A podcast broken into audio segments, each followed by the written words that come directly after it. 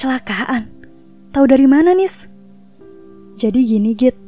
Kan tadi pas si Reza lagi nganterin Desi ke stasiun, dia ngelewatin rumah kelompok gue. Terus kebetulan lagi ada dosen yang kunjungan ke rumah gue. Nah, si Reza itu ngeliat ke arah rumah gue gitu, terus kayak mau nyapa dosennya. Pas dia meleng, pas banget di belokan ada tiang gede. Terus motornya malah nabrak tiang. Astagfirullah. Terus mereka sekarang gimana, Nis? Keadaannya gimana? Ini mereka berdua lagi di rumah gue sih, Git. Masih ada dosen-dosen juga nih bantuin ngerawat mereka. Hmm, Sebenarnya lukanya yang lumayan parah sih Reza. Kalau Desi nggak ada luka apa-apa, tapi Desi jatuh terus pingsan. Sekarang belum sadar. Gita shock banget ngedengar kabar dari Nisa. Dia mencoba untuk tenang, walaupun dari ekspresinya dia cemas dan marah banget. Gimana enggak? Baru aja dia ngedenger pacarnya kecelakaan. Dan kalau aja waktu itu Desi nggak maksa buat pulang ke Jakarta, kejadian ini nggak bakal terjadi. Nis, kelompok gue mau ngejenguk ke sana tapi nggak ada kendaraan. Kira-kira ada yang bisa jemput nggak? Gak usah Git, udah tenang aja. Ini mereka aman kok di rumah gue. Banyak yang ngejagain. Kata dosen, kelompok lo gak usah ada yang ke sini dulu. Mereka biar kita yang handle. Doain aja ya biar mereka keadaannya membaik. Serius, Nis? Aduh, maaf banget ya, Nis, jadi ngerepotin kelompok lo. Titip jagain mereka ya, Nis. Kalau ada apa-apa, kabarin lagi aja. Iya, nggak apa-apa kok, Git. Santai aja. Jangan terlalu dipikirin, Git. Lo sama kelompok lo fokus aja di sana. Insya Allah aman mereka di sini. Banyak kok yang ngejagain. Ya udah ya, Git. Gue mau nengok mereka dulu. Assalamualaikum. Ya, Nis. Waalaikumsalam. Percakapan selesai. Gita langsung nyeritain info ini ke kelompok gue. Semuanya kaget. Panik, perasaan kami campur aduk. Terutama gue. Saat itu gue langsung nangis dan ngerasa bersalah. Kalau aja waktu itu gue nggak nyerah dan ngebiarin Desi pulang, pasti sekarang mereka masih baik-baik aja. Terutama, pasti sekarang Reza baik-baik aja. Jujur, gue dan kelompok gue sebenarnya masih nggak terima dengan berita ini.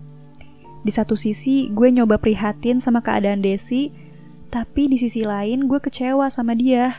Gue tahu banget semua orang di rumah gue khawatir sekaligus kesel dengan musibah ini. Tapi kami coba buat tenang dan terus berdoa buat mereka. Setelah sholat maghrib berjamaah, seperti biasa kita ngaji bareng-bareng di ruang tengah. Setelah itu malamnya ada telepon dari Nisa. Nisa ngabarin kalau Reza akhirnya dibawa ke rumah sakit dan Desi udah sadar dari pingsan. Desi sadar saat sore setengah jam sebelum maghrib. Tatapannya kosong dan gak bisa bergerak. Tiba-tiba Desi teriak-teriak dan nangis-nangis. Kelompok Nisa nyoba buat ngajak bicara, tapi Desi kayak gak sadar dan terus-terusan teriak. Muka Desi pucat dan keluar keringat dingin. Satu rumah heboh dan bingung harus gimana. Akhirnya ada kiai yang datang ke rumah kelompok Nisa. Kata Pak Kiai, Desi kemasukan. Pak Kiai nyoba untuk nenangin Desi dan baca-baca surat Al-Quran. Desi di Rukiah. Bukannya makin tenang, Desi makin histeris dan kelihatan kesakitan. Proses Rukiah ini berlangsung cukup lama. Desi kayak nggak mampu ngelawan makhluk yang ada di dalam badannya. Pak Kiai juga kesulitan karena makhluk ini kayak nggak mau keluar. Setelah kurang lebih setengah jam, azan maghrib berkumandang. Desi yang masih teriak-teriak dan nangis, seketika pelan-pelan berhenti. Entah nggak tahu kenapa tiba-tiba dia diem. Badannya udah lemes dan sangat kecapean. Tapi Desi kelihatan udah tenang. Gak berapa lama setelah kelompok Nisa sholat maghrib berjamaah, Nisa dan temen-temennya ngajak ngobrol Desi. Desi terlihat udah sadar dan udah bisa diajak ngobrol. Gak berapa lama Pak Kiai pulang. Akhirnya, Desi masih nginep di sana dan dirawat sama kelompok Nisa. Setelah itu, seperti biasa, Gita ngabarin ke kelompok gue. Kelompok gue shock dan ketakutan. Apalagi si Sela sama Nadia. Mereka itu ratu heboh, lebay, dan paling penakut di kelompok gue. Sela langsung histeris. Serius, Git? Aing, atau gimana terusnya si kelompok Nisa? Gak apa-apa gitu? Kata Sela dengan logat Sundanya yang khas. Atau gimana? Ih, pusing gue mah. Kata Nadia ikut-ikutan. Kita udah biasa banget ngelihat Sela dan Nadia yang reaksinya over. Tapi keadaan kali ini emang bener-bener bikin satu rumah lebaynya jadi sama kayak Sela dan Nadia. karena sikon yang nimpa kita dari hari pertama juga kelewat aneh. Ih, jangan-jangan dari kemarin si Desi kemasukan. Pantesan waktu itu gue nanya ke kalian semua, ada yang ngeliat duit gue enggak 20 ribu? Nanya biasa doang. Tiba-tiba dia ngerasa dituduh nyuri. Atuh aneh banget, ih. Padahal gue nanya ke kalian semua, nggak ada nuduh dia. Kata Rani. Eh iya bener juga. Pantesan aja dia aneh banget, ih marah-marah mulu kata Hana. Gosip pun dimulai. Semalaman, Desi dan Reza menjadi topik pembicaraan. Keesokannya, gue dan kelompok gue ngejalanin kegiatan kayak biasa. Kegiatan ini adalah kegiatan yang harusnya jadi tanggung jawab Desi, karena kita udah bagi-bagi penanggung jawab untuk setiap kegiatan. Tapi nggak apa-apa, acara yang berlangsung di Poskesdes ini tetap berjalan lancar. Setelah acara hampir selesai, Tiba-tiba dosen penanggung jawab desa kami datang dan berkunjung, membawa satu orang lainnya, yaitu Desi. Ya, dosen kami datang bersama Desi. Dosen kami mendampingi sampai acara selesai. Seperti biasa, Desi diem aja sendirian dan duduk gak menyapa siapa-siapa. Gue ngerti, keadaannya serba salah. Gue dan kelompok gue pun sedang sibuk ngejalanin acaranya dan belum sempet basa-basi lebih tepatnya, kami enggan basa-basi. Acara selesai. Singkat cerita, gue dan seluruh anggota dikumpulin sama dosen gue. Dosen gue ngasih tahu kalau Desi nggak jadi pulang ke Jakarta. Setelah dibujuk, katanya dia masih mau melanjutkan PBL ini. Gue dan teman-teman gue nggak tahu harus respon apa. Kami diem mendengarkan. Permasalahan internal kami mulai dibahas. Yang menurut laporan Desi, itu adalah penyebab dia nggak betah di sini. Kami ngerasa jadi kambing hitam Desi, yang bahkan kita nggak tahu itu Desi apa bukan. Desi mulai nyebutin keluhan-keluhannya. Dia bilang kami kurang suka dengan dia lah. Dia dituduh mencuri lah. Terus, dia dituduh mau ngintip Reza mandi lah. Dan ada yang nuduh dia ngambil handuk gue yang udah lama hilang di jemuran. Sangat gak masuk akal. Gue emang pernah bilang anduk gue hilang, makanya nggak pernah bawa anduk dan ngelap badan pakai baju. Waktu gue cerita itu, sama sekali nggak ada Desi. Gue cerita itu di des saat mau mandi dan ditemenin sama temen gue satu orang. Gak tahu kenapa, Desi bisa tahu hal-hal yang gak dia denger. Satu-satu kami jawab tuduhan-tuduhan Desi, dan semua kejawab dengan baik. Dosen gue pun kayak kelihatan paham kalau Desi emang agak aneh dan membesar-besarkan masalah seakan ngadu domba. Akhirnya setelah diskusi yang lumayan panjang, kita maaf-maafan. Selain itu, dosen kami juga ngasih tahu kalau Reza nggak bisa ngelanjutin untuk ikut PBL ini. Dia dipulangkan ke rumahnya dan berobat di rumah sakit dekat sana. Katanya dia pendarahan di dalam dan kakinya bengkak banget. Tapi dokter di sini nggak bisa mendiagnosis penyakitnya. Berita mulai simpang siur. Ada yang bilang kaki Reza itu udah bukan penyakit medis, tapi ketempelan. Dan banyak berita yang beredar. Kita nyoba buat gak ambil pusing dan tetap fokus ngejalanin sisa hari kita ke depannya. Bersama Desi. Keadaan di rumah awalnya agak awkward, tapi kita semua jadi lebih sadar buat ngejagain Desi. Kita buat suasana yang nyaman dan ngelupain apa yang terjadi. Ke mana-mana pun jadi lebih ketat karena harus bareng-bareng. Gak ada lagi yang pergi sendiri-sendiri. Kami juga rutin ngamalin bacaan-bacaan surat yang dititipin sama dosen kami saat kunjungan. Kami selalu ngaji bareng dan baca zikir sehabis sholat maghrib berjamaah. Gak boleh ada yang keluar sore-sore. Semua saling jaga. Belum lagi sekarang kelompok ini sisanya perempuan semua. Kita jadi lebih peduli lagi dan mengandalkan satu sama lain semua aman. Beberapa hari kemudian, kita ada kegiatan terpisah, di mana dibagi jadi dua tim dan berpencar. Gue sebagai tim satu udah sampai di lokasi kegiatan yang jauh dari rumah. Kami pun bertugas. Di pertengahan, ada telepon dari tim dua. Mereka ngabarin kalau Desi kayaknya sikapnya aneh lagi. Kumat. Dia dibawa ke Pak Ustadz deket sana. Kami yang ngedenger ini terus terang capek. Udah lelah dengan berita buruk yang selalu datang. Kami ngabarin kalau kami belum bisa pulang. Kami cuma bisa minta mereka jagain Desi baik-baik, jangan ditinggal-tinggal, dan terus ajak ngobrol. Terdengar suara dari seberang yang lagi kasak kusuk panik gak karuan. Kami yang jauh dari rumah jadi kepikiran.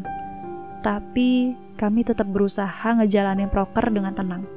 Kami pun pulang. Sampai di rumah sore menjelang malam. Keadaan Desi udah terkendali. Gue minta diceritain detailnya sama temen gue yang bareng dia saat kejadian. Katanya Desi sebenarnya nggak teriak-teriak ataupun nangis-nangis. Kali ini Desi setiap kali kita ajak ngobrol, cuma diem dan senyum dengan tatapan yang tajam. Nggak tahu kenapa hal itu ngebuat Parno kelompok gue dan mutusin untuk pergi ke Pak Ustadz. Pak Ustadz ngasih air yang udah dibaca-bacain. Desi ngerasa lebih tenang dan ngobrol kayak biasa lagi. Gue nggak tahu ini hanya paranoid Gita atau emang Desi kemasukan. Saat itu yang inisiatif ngebawa Desi ke Pak Ustadz adalah Gita. Gue ngerti, mungkin Gita masih trauma dan gak mau hal aneh-aneh terjadi lagi. Belum lagi Reza masih belum pulih dan masih sulit dijangkau kabarnya. Gue yang gak ngeliat langsung kejadiannya, cuma bisa lega karena semua terhandle dengan baik. Gak ada apa-apa sehabis itu. Gue masih tidur di sebelah Desi seperti biasa. Malam itu gue dan Desi nggak ngobrol sebelum tidur kayak biasanya. Gue kelelahan habis bertugas dan cuma pengen tidur nyenyak.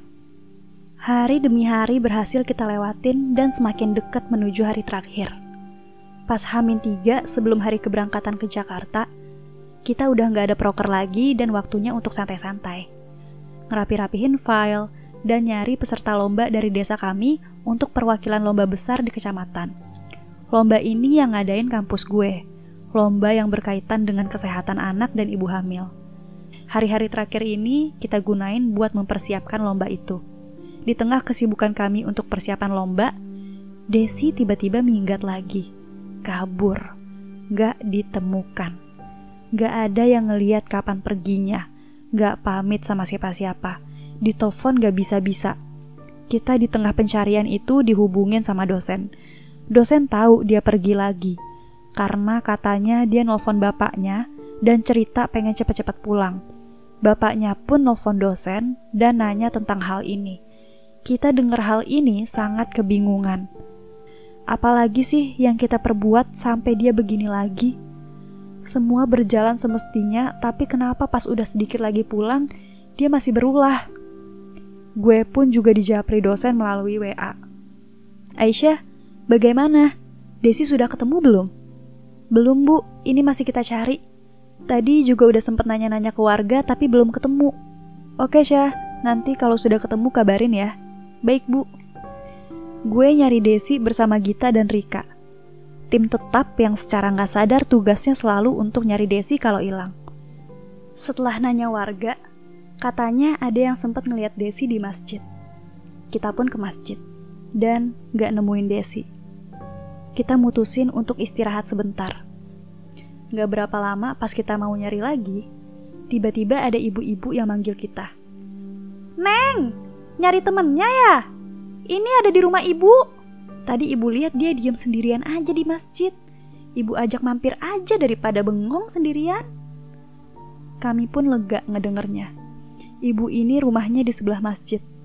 Kita pun ke rumah ibu itu dan nemuin Desi lagi tiduran di sofa ruang tamu. Aduh ibu makasih udah nemuin teman saya. Atau maaf jadi ngerepotin bu. Gak apa-apa neng. Kalau mau mampir mah mampir aja. Biar bisa nonton TV juga di sini. Ya makasih bu. Kita pun menghampiri Desi. Desi kelihatan cuek aja kayak nggak ngeliat ada orang. Kita coba ngomong sama Desi dengan hati-hati. Des, Alhamdulillah ternyata lo di sini. Hayu Des, pulang sekalian biar bisa istirahat di rumah, kata Gita. Desi diam. Ya Des, ini bapak lo nyariin juga. Takut dikiranya lo hilang atau kenapa-napa. Alhamdulillah deh lo udah ketemu, kata gue. Iya, emang gue yang ngubungin bapak gue, kata Desi. Ya udah nggak apa-apa, biar diomongin di rumah aja yuk lebih enak, kata Rika. Gak mau.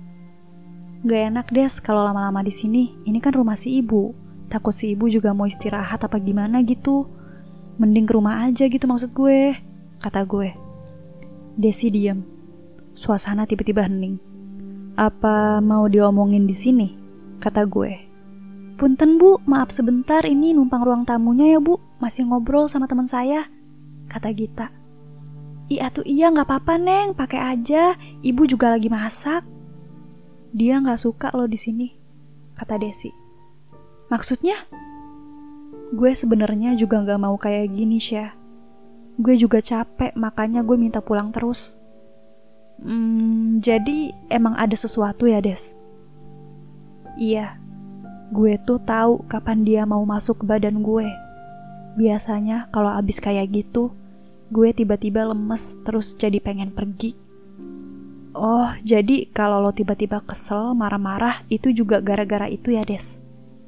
Desi nggak nanggepin. Bapak gue tuh udah tahu gue kayak gini. Gue emang udah gampang dimasukin sama hal-hal kayak gitu dari dulu.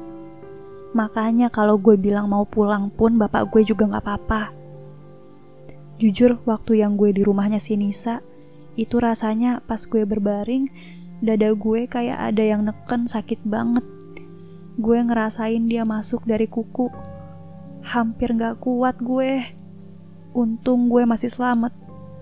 Tiba-tiba pas abis azan maghrib gue sadar. Uh, ya udah des, ini kan udah dikit lagi Lo kalau ngerasa udah mulai nggak beres, langsung panggil kita aja. Minta temenin. Kalau perlu air dari Pak Ustadz juga bilang aja, jangan bengong aja pokoknya.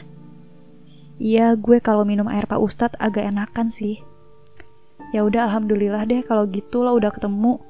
Gue takut lo pergi ke mana gitu, untung ada ibu. Jadi sekarang gimana nih? Mau pulang ya? Desi mengangguk. Setelah itu, kami pulang dan tetap fokus dengan kegiatan hari H. Semua berjalan lancar. Acara di kecamatan berlangsung meriah dan sukses. Semua ceria hari itu. Hari itu adalah penutupan acara PBL di desa. Setelah dari kecamatan, kami pulang ke rumah. Besoknya, kami berkemas dan siap-siap untuk pulang. Kami pulang ke Jakarta dengan bus yang sudah parkir di lapangan dekat kantor kecamatan kami berangkat menggunakan truk losbak yang dipinjami desa. Saat mau naik ke truk, Desi bertingkah. Dia mau pulang secara terpisah. Dia nggak mau pulang dengan truk bersama kami. Gita sudah habis kesabaran dan akhirnya bilang ke Desi. Naik nggak? Udah deh, jangan aneh-aneh lagi. Ini kita udah tinggal pulang. Teman-teman yang lain nenangin Gita. Udah, naik dulu. Nanti kalau emang lo mau pulang sendiri, gak mau naik bus bareng-bareng, biar entar gue yang nyariin ojeknya buat nganter lo ke stasiun, kata Gita. Beneran, awas aja sampai lo bohong, kata Desi. Iyalah, gue emang gak pernah bohong. Ayo mau taruhan sama gue. Akhirnya setelah ditenangin teman-teman dan berpamitan ke kepala desa, kami berangkat naik truk losbak. Di truk semua udah jengah dengan kelakuan Desi yang ngedumel ngada-ngada selama di perjalanan. Dia ngungkit-ngungkit lagi tentang dia dituduh nyuri uang. Gue yang udah gak bisa nahan emosi, akhirnya nanggepin semua kata-kata dia. Iya, emang lo pencuri. Udah tahu gue lo emang pencuri. Mau apa lo? Gue udah gak mau bermulut manis lagi sama dia. Walaupun gue tahu dia gak nyuri apa-apa, tapi gue sengaja ngeiyain kata-kata dia karena gue udah kesel. Cukup lelah jadi malaikat selama dua minggu yang rasanya seperti berbulan-bulan. Akhirnya kami sampai di titik pemberangkatan. Gita pun selesai nyariin ojek buat nganter Desi ke stasiun. Itu jadi pertemuan terakhir kami dengan Desi. Kami semua naik bus. Dan Desi ke stasiun dengan ojek. Syukurnya dia sampai dengan selamat. Pas kami sampai bus yang isinya bercampur dengan kelompok lain, ternyata desa kami udah jadi topik satu angkatan dan menghebohkan. Banyak teman-teman yang nanya kronologisnya. Kita nggak mau bahas, dan ketawa-tawa aja di bus dengan alasan trauma untuk nginget kejadian dua minggu ke belakang. Aduh, kayaknya mah ini harus ke psikolog. Lebih penting ini mah daripada ke dokter muka, kata Sela. Iya ih, ini mah udah merusak mental, Rani nyeletuk. Akhirnya setelah itu cerita ini jadi memori yang gak terlupakan. Setelah beberapa minggu, akhirnya Reza udah bisa beraktivitas dan datang ke sidang presentasi PBL dengan kaki yang agak pincang. Cuma Desi yang saat itu nggak hadir. Setelah peristiwa itu, Desi pun udah nggak pernah masuk kuliah dan kayaknya mutusin buat berhenti. Gue dan temen-temen nggak pernah dengar kabarnya lagi dan mutusin untuk membiarkan cerita ini jadi memori yang nggak terlupakan. The end.